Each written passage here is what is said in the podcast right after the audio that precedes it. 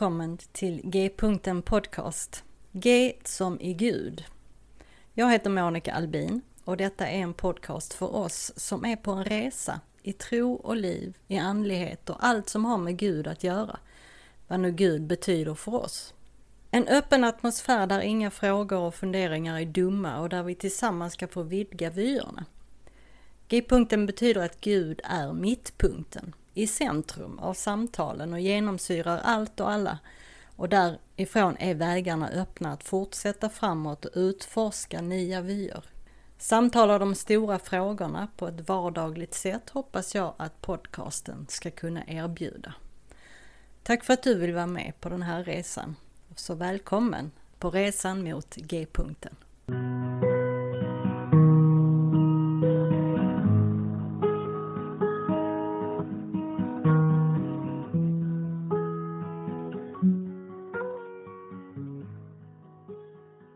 Välkommen tillbaka till G-punkten Podcast. Idag, mina vänner, samtalar jag med Brian McLaren. Det är verkligen en dröm som går i uppfyllelse att få samtala med honom. Vi pratar om dels om hans berättelse, hans livshistoria, hans trosresa eh, och mycket om det jobb han gör nu. Vi pratar om hans bok Faith After Doubt som vi går igenom lite grann och även boken som släpps nu här i maj månad som heter Do I Stay Christian. Det här var ett underbart samtal och jag hoppas att ni ska tycka att det var lika roligt som jag tyckte. Så varsågod, god lyssning. Welcome to Gay.en podcast, Brian McLaren. So happy to be with you. Thanks for inviting me. I am so stoked. This is um, a dream come true for me. oh, that's and great. I hope to make many of my friends very envious. have you ever? I know you've been to Sweden uh, once. Yes. Uh, have you been on any Swedish podcasts? No, I, I don't think I have. I think you're the first. Yay. and, uh, and, and I should tell you, um, in my my visit to Sweden, I was on a, a visit where I went to Denmark and Norway and Sweden, and um, and I I the people who organized my trip kept me so busy from early in the morning till late at night, day after day after day, and I remember falling asleep in the back seat of the car uh, several times Yeah. between between very wonderful meetings with people. yeah, yeah. oh well. Now, if if there is anyone out there who doesn't know who you are, would you just uh, briefly introduce yourself? Sure, and there are almost eight billion people who don't know who I am. But, um, uh, so uh, my is Brian McLaren. I live in the U.S. I, I was born in the state of New York, lived in the state of Maryland most of my life. Uh, for the last 14 years, I've lived in Florida. Mhm. Uh, I was a college English teacher. That was my first uh, job, and I because I loved literature, and I really had developed a love for literature in part because I was brought up in a very conservative Christian home where we read the Bible constantly, and I didn't realize it. But when you grow up in that kind of home, you're being exposed to literature every day Yeah. stories and poetry and all the rest. Um, and uh, but then while I was a uh, while I was teaching college, I uh, my wife and I started a little fellowship group that became a little church. I ended up leaving teaching to become a pastor. I Hmm. served as a pastor for 24 years and uh, began writing because I started to see um, well, uh, all my life, really, I'd seen this growing gap between uh, what the church was requiring people to think and believe and where people really were in their lives. And so that's been a big part of my own story. Yeah. Yeah. So you live in Florida with your wife Yes. and you have children? We have uh, we have four adult children Yeah. and five grandchildren. Wow. Wonderful. Now we're going to talk about your books and your work and podcasts and lectures and everything else you do. but first. I'd love to hear your story from childhood and on your faith journey. What kind of faith you had as a child, teenager, adolescent, and uh, And then what happened? so yes. go for it. Well, it, it, has been a kind of, uh, I, I, suppose, a very common story in certain parts of the world. I grew up in a very conservative form of Christianity. Um, uh, a little uh, Protestant group called the Plymouth Brethren yeah, yeah. with roots in England. Interesting group. Um, if anyone has ever heard of the rapture, that mm-hmm. that kind of uh, theology comes from the Plymouth Brethren. I think it's hmm. one of the worst ideas in Christian history, um, and that comes from my group. okay.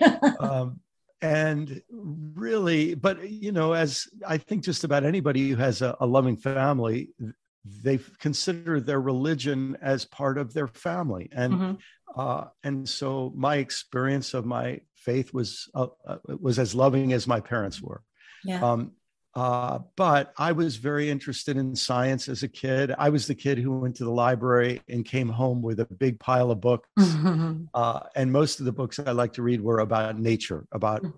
rocks and dinosaurs and trees and fish and snakes and anything outdoors I was intrigued by, weather, the stars. And so by the time I was eight or nine or 10 years old, I was already learning about evolution. Mm-hmm. And I, I, and I realized that my church did not allow us to believe in evolution. If you yeah. believed in evolution, you were in trouble. And so I, I, remember thinking, you know, my my future in this religion is uh, is not good. And someday when I grow up, I'll be able to be be done with it and get on with life. I, I should also say I grew up. I'm 66 years old this year, so I I grew up uh, in the United States during the civil rights era, and uh, the church I went to was all white, mm-hmm. and um, and I I realized that there was that same kind of segregation and and racial superiority mm-hmm. among uh, among most of the people in my church that I, you would have seen in the general white population and my parents were not like that for a number of reasons they, uh, but and so i remember also thinking there really were blind spots in this religious community as well and um, so, really, by my early teens, I thought I'm on my way out of here. Hmm. Uh, and um, the, the, the sort of surprising thing that happened is uh, I uh, I had this older friend who reached out to me and invited me to this Bible study group. This was the beginnings of the Jesus movement in the United States okay. in the early 1970s. Yeah. And um, then uh, some other friends invited me on this retreat. Um, our church didn't have retreats. We really didn't do anything for youth or children, uh, you know, anything like that. Mm-hmm. And on this retreat, I had a very powerful spiritual experience. Um, and this resulted in me saying, I guess I really am a Christian. Okay. But in, in some ways, my that experience, the track that I was on, was not completely in sync with my religious community. And I mm-hmm. think I have felt that most of my life, even after I became a pastor. Okay. Yeah. yeah. And maybe the only other thing I'll say, and then if you want to uh, uh, ask about anything else, I'd be fine. But um, when I be when I helped start this little church and then became the past uh, one of the pastors at this church, I I always knew that I guess part of this was because of my background in higher education and literature and so on. Um, that I wanted our church to be a safe place for people with questions and for mm. people who had the same struggles I had had. Mm. And uh, I, I, the way I, I say it is that I, I, this happens so many times. A new person would come to the church very often there were people who had been maybe born Catholic and baptized as a child, but really hadn't been to church in 10 or 20 years. Mm-hmm. Um, or, uh, and other people maybe who had very little religious background. And so they would make an appointment with me and they yeah. would say, they would bring me all of their questions. This doesn't make sense. This doesn't make sense. Uh-huh. And I, I would give them my very best answers but I they would leave with my answers, but I would be left with their questions. okay and so even my life as a pastor kept challenging me to think things through um, again and again. Yeah. So this popular word uh, deconstruction that's what you kind of went through as a pastor? Yes and and here's the irony. Um, uh, I I was in graduate school in the 1970s um, into the early 1980s, and in those years, um, that's when what we now call postmodern philosophy was mm-hmm. first entering the uh, the academy in, in the United States, and so I was exposed to Jacques Derrida and uh, Stanley Fish and uh, Baudrillard and many of the other sort of leading lights of what people call postmodernism. Mm-hmm. And I was exposed to the idea of deconstruction, you know, very, very early, but not from a religion, it being used in a religious context. Okay. It was being used in a completely secular context okay. uh, of deconstructing ideas like patriarchy, yeah. deconstructing ideas like uh, uh, capitalism, mm-hmm. um, and and uh, so it's it, it, was ironic that I was exposed to these th- that word in a very very different context. Mm-hmm. But I think intuitively I knew if this if this kind of critical thinking catches on, the Christian religion in all its forms Catholic, Orthodox, Protestant, Pentecostal it's going to have to grapple with it. And uh, that turns out decades later to be the case. Yeah, yeah. Now, several of your books are translated into Swedish. Yes. And I've read many of them, uh, not not all of them. I'm sad to say, but I I have some in Swedish and some in English. And the first one I read was uh, a new kind of Christian. Yes. And you know, once you see it, you can't unsee, right? Yes. Yes. right. Yes. Yes. But today I want to talk about the book uh, Faith After Doubt. Yes. It's uh, well for me. It's a kind of a thick book because English is not my first language. yes, and yes. and you write a lot in the book, but you write about the four stages of faith, and I'd like you hear to hear you talk a little about them. Yes. The first stage you call simplicity. Yes. So, can you explain what that means and yes. um, maybe how it plays out in uh, people's lives and maybe in your own life? Sure, sure. Well, first, um, Monica, let me say that I I, I, was first exposed to this idea of stages of development um, mm-hmm. in my secular work as a college uh, uh, teacher.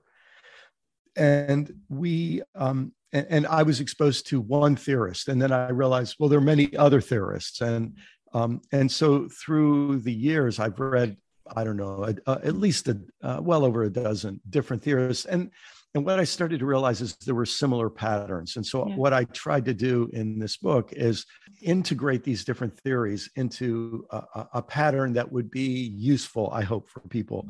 And, and so, when we're children, almost all of us are we're we're raised into what I call stage one or simplicity. And this is the stage when you think about children, their parents are telling them this is right, that is wrong. Yeah. This is safe, that is dangerous. This is a friend, that's an enemy.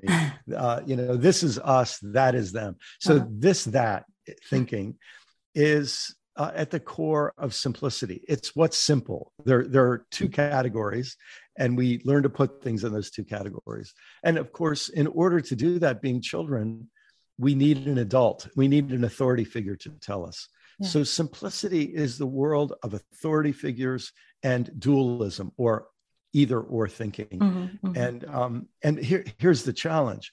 Looking back, what I realize is the version of Christianity I inherited it had simplicity as its ceiling. It really never allowed you to grow beyond simplicity. Yeah. Yeah. Well, I think that's the many people's uh, story, actually. Yes. Yes. yes. And in fact, you know, what's I, I just before we were uh, we, we started our conversation, Monica, I had the news on it, and I was watching a um, uh, uh, Russian family uh, being interviewed, uh, uh, a young woman whose parents uh, believe what the government tells them oh. that there is no war going on in Ukraine. and um, and you realize that you know maybe 80% of Russian adults be- believe this. And if you want to put it in, in the terms of stages, they're in the stage where they have authority figures they trust. Mm-hmm and they believe what those authority figures say no matter what anybody else says. And uh, and this is common and it's super common in my country. Uh, oh yeah. uh, you know I'm, yeah. sure, I'm sure the rest of the world watched for our years with donald trump and donald trump still what he says a lot of people will believe because they've accepted him as an authority figure. Yeah. uh, and uh, so it's a very very powerful stage. Yeah. And also with the pandemic i have heard um, yes many uh, who who say it's not it's not a real thing because their authority yes. figure says it's not. Exactly. Exactly. Uh, yeah. Well, uh, the second stage then is complexity. So what happens there? I also so, see that uh, you write that life is a game. What's that? Yes, that's right. So um, if you think of it like this, like here's one of my memories. Mm-hmm. So I grew up in this very strict Protestant family and I get to be 10, 11 years old. I have many friends, and I go over to their house, and one of my friends is Catholic. And I realize they have a different set of rules than my uh, Protestant family has.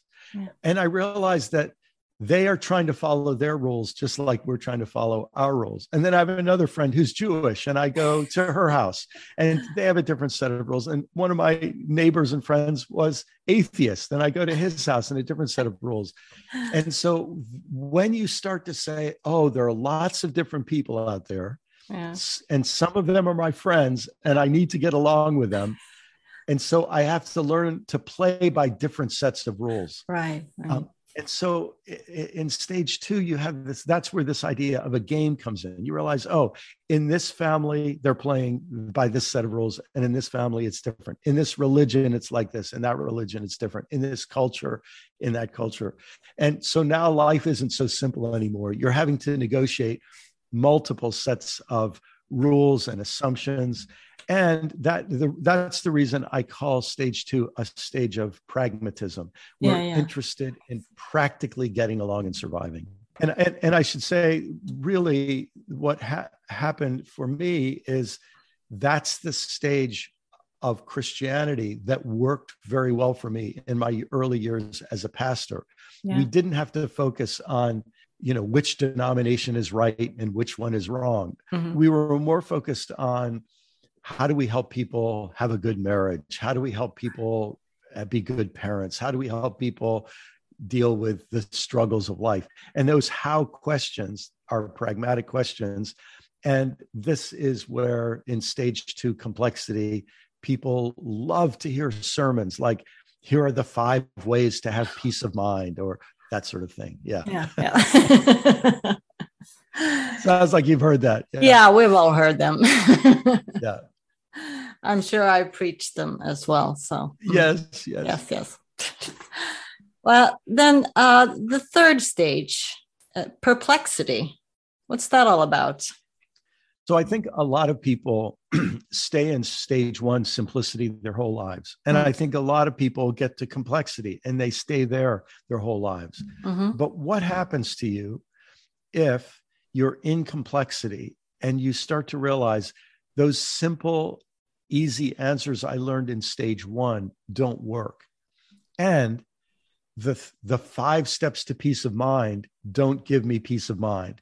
Mm-hmm. Or the pastor who taught me the 10 steps to having a good marriage. Yeah, yeah.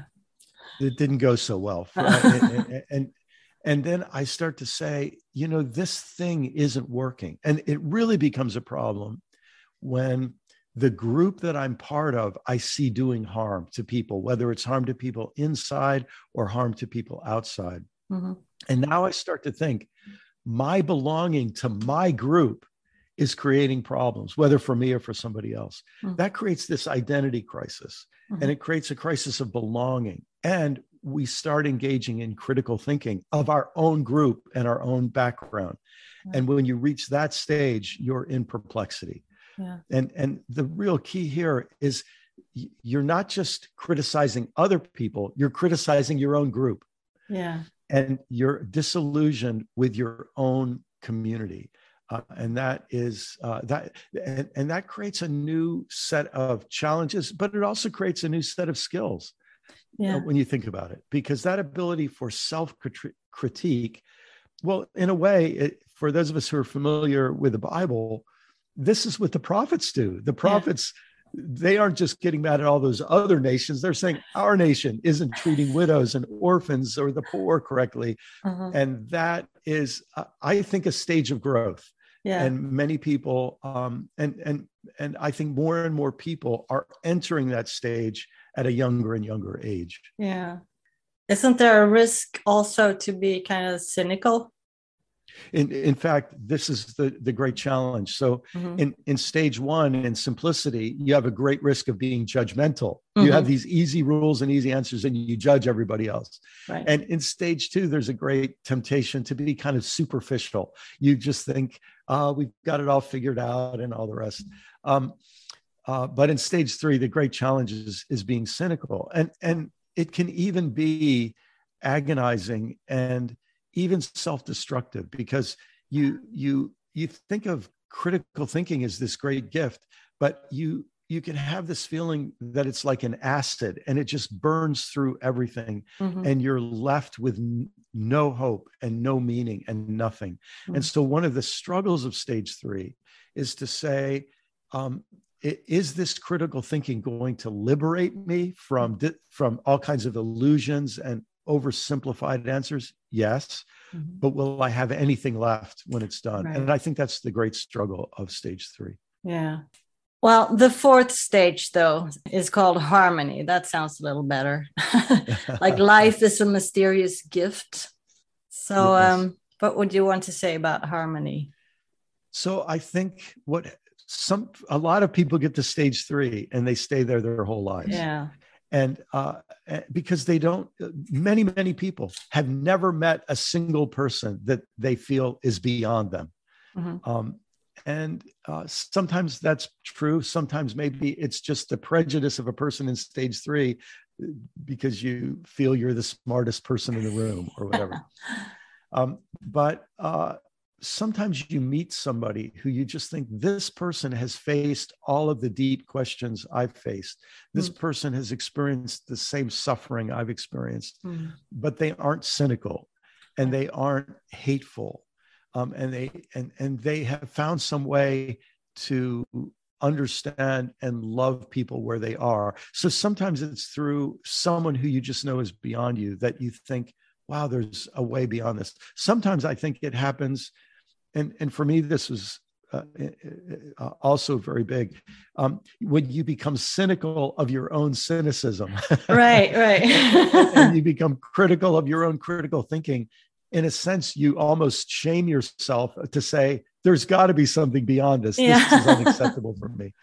And right. one way or another um, you you go on a search. And i think what happens is you develop the ability to say you know, back when I was in stage one, of course I was judgmental. Yeah. And of course I was oversimplified. That's where I was. Mm-hmm. And in a sense, you have compassion on yourself, and that allows you to have compassion on others. And, and then you look back at stage two, and you even look at yourself in stage three and say, Of course I'm disillusioned. Yeah. Of course I'm cynical. And there is something in the act of being able to have compassion on yourself and others that I think allows you, in a sense, to step in step into a bigger framework. Yeah. and that framework of compassion and understanding I, is really at the core of stage four harmony. Yeah. Uh, today is uh, when we are recording this it's uh, monday thursday. So we're coming yes. up on uh, easter yes. so jesus' crucifixion and resurrection how would you understand that in these four different stages Yes. So it's so interesting that we're having this conversation this day. I'll, I'll, make a confession. I don't really know if I've ever said this out loud before, but I think to me, the most important day of Holy Week is Holy Thursday. Yeah. because um, this is the day that, you know, we remember that Jesus gathered with his disciples, mm-hmm. had what we call the, the Last Supper, but he told them to love one another and that his greatest commandment was to love one another.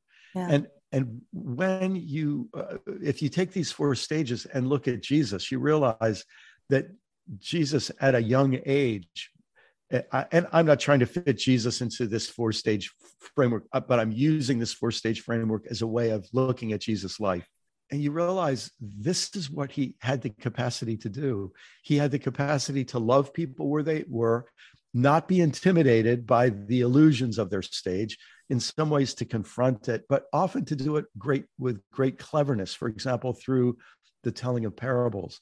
Mm-hmm. And so on this night um, before his death, he gets his disciples together and basically says, "Listen, the thing that I really care about is love. I, I care that you love each other.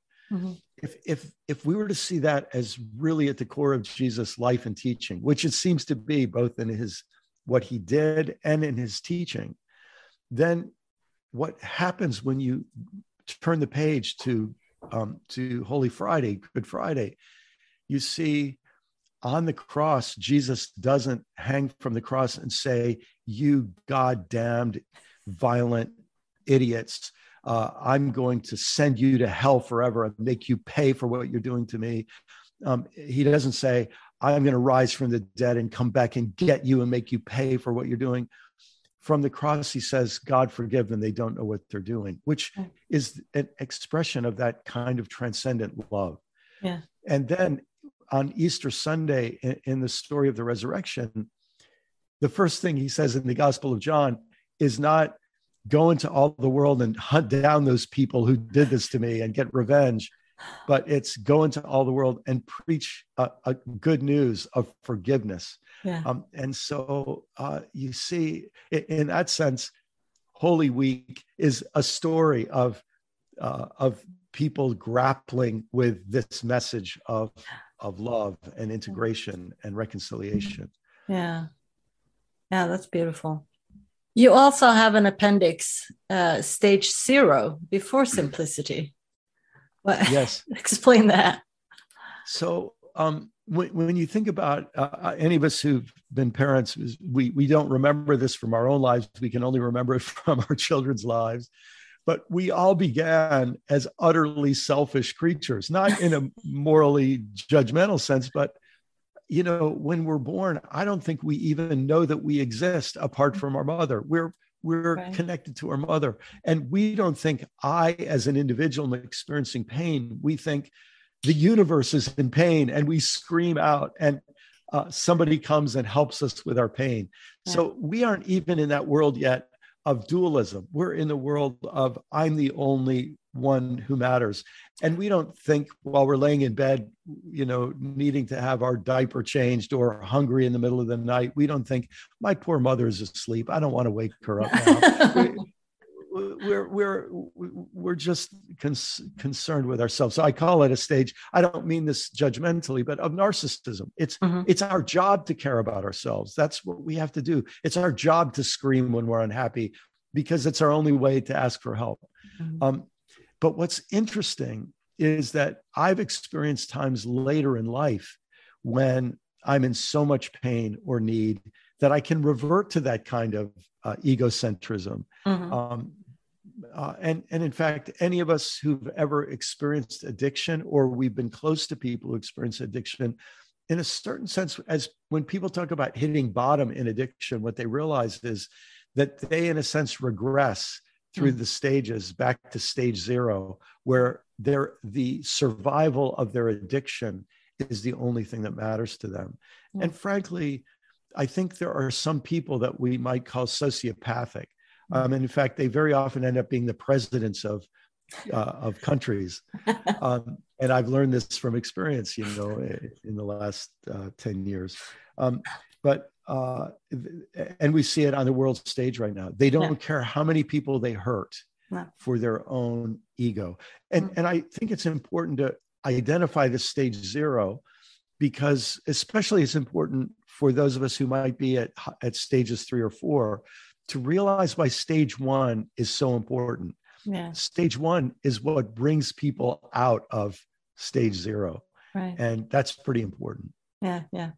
Well, these four stages uh, really offer a path forward, and uh, well, it can help sincere and thoughtful people uh, to leave behind unnecessary baggage and uh, also increase their commitment to what matters most. Because um, that's just it, isn't it? It's it's not a book about getting over your doubts to get back to the faith you once had, right? Right.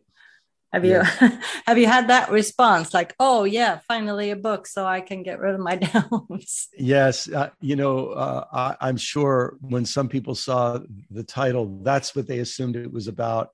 Um, and that would either make them read it or not read it. uh, but what I wanted to say is that there is a kind of faith that can that that actually thrives in the yeah. presence of doubt after having gone through doubt, and and um, and really uh, the last part of the book I talk about life.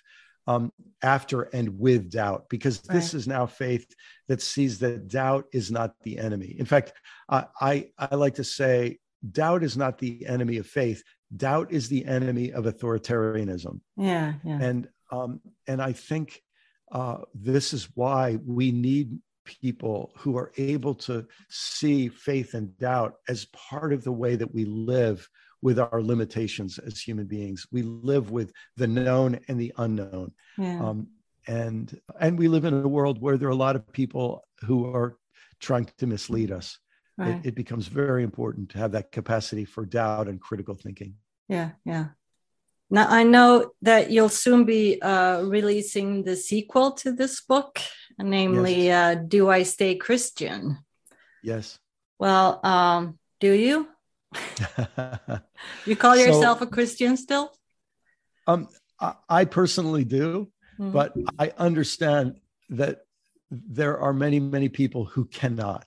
And um, I talk to an awful lot of these people, and um, and I'm very sympathetic uh, to them because of what's happening in the world and what's happening to the Christian religion.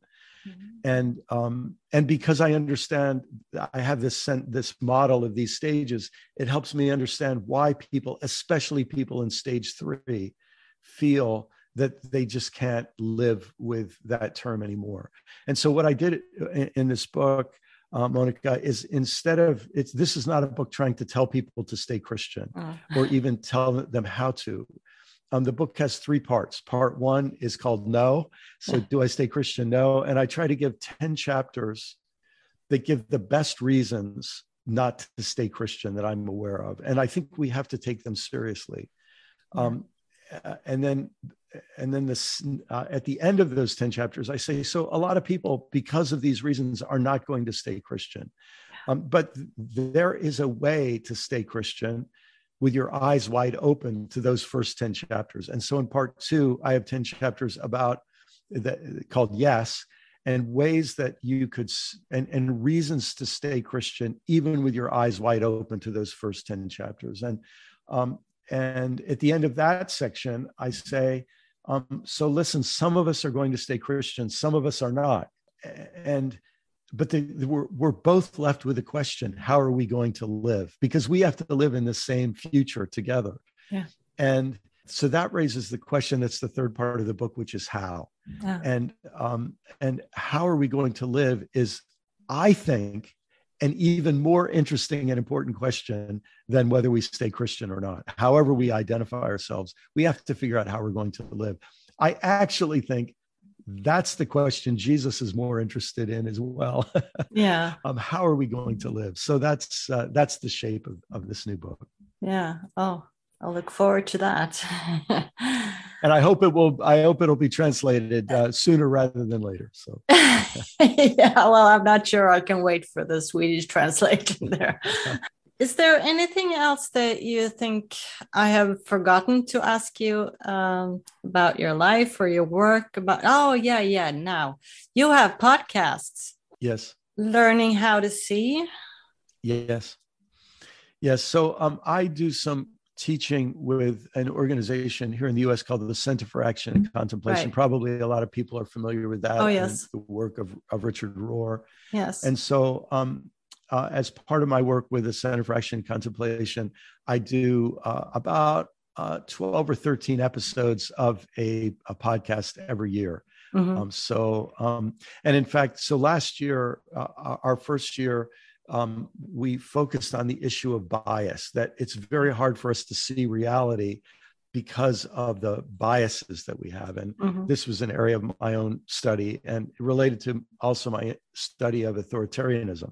Yeah. So um, that's the first season, and uh, we are just finishing recording the uh, the uh, actually the, the first two seasons. Yeah. Um, we just finished the, recording the third season that will be out in a few weeks, and um, and it's about learning how to see Christianity, helping Christians see their own faith.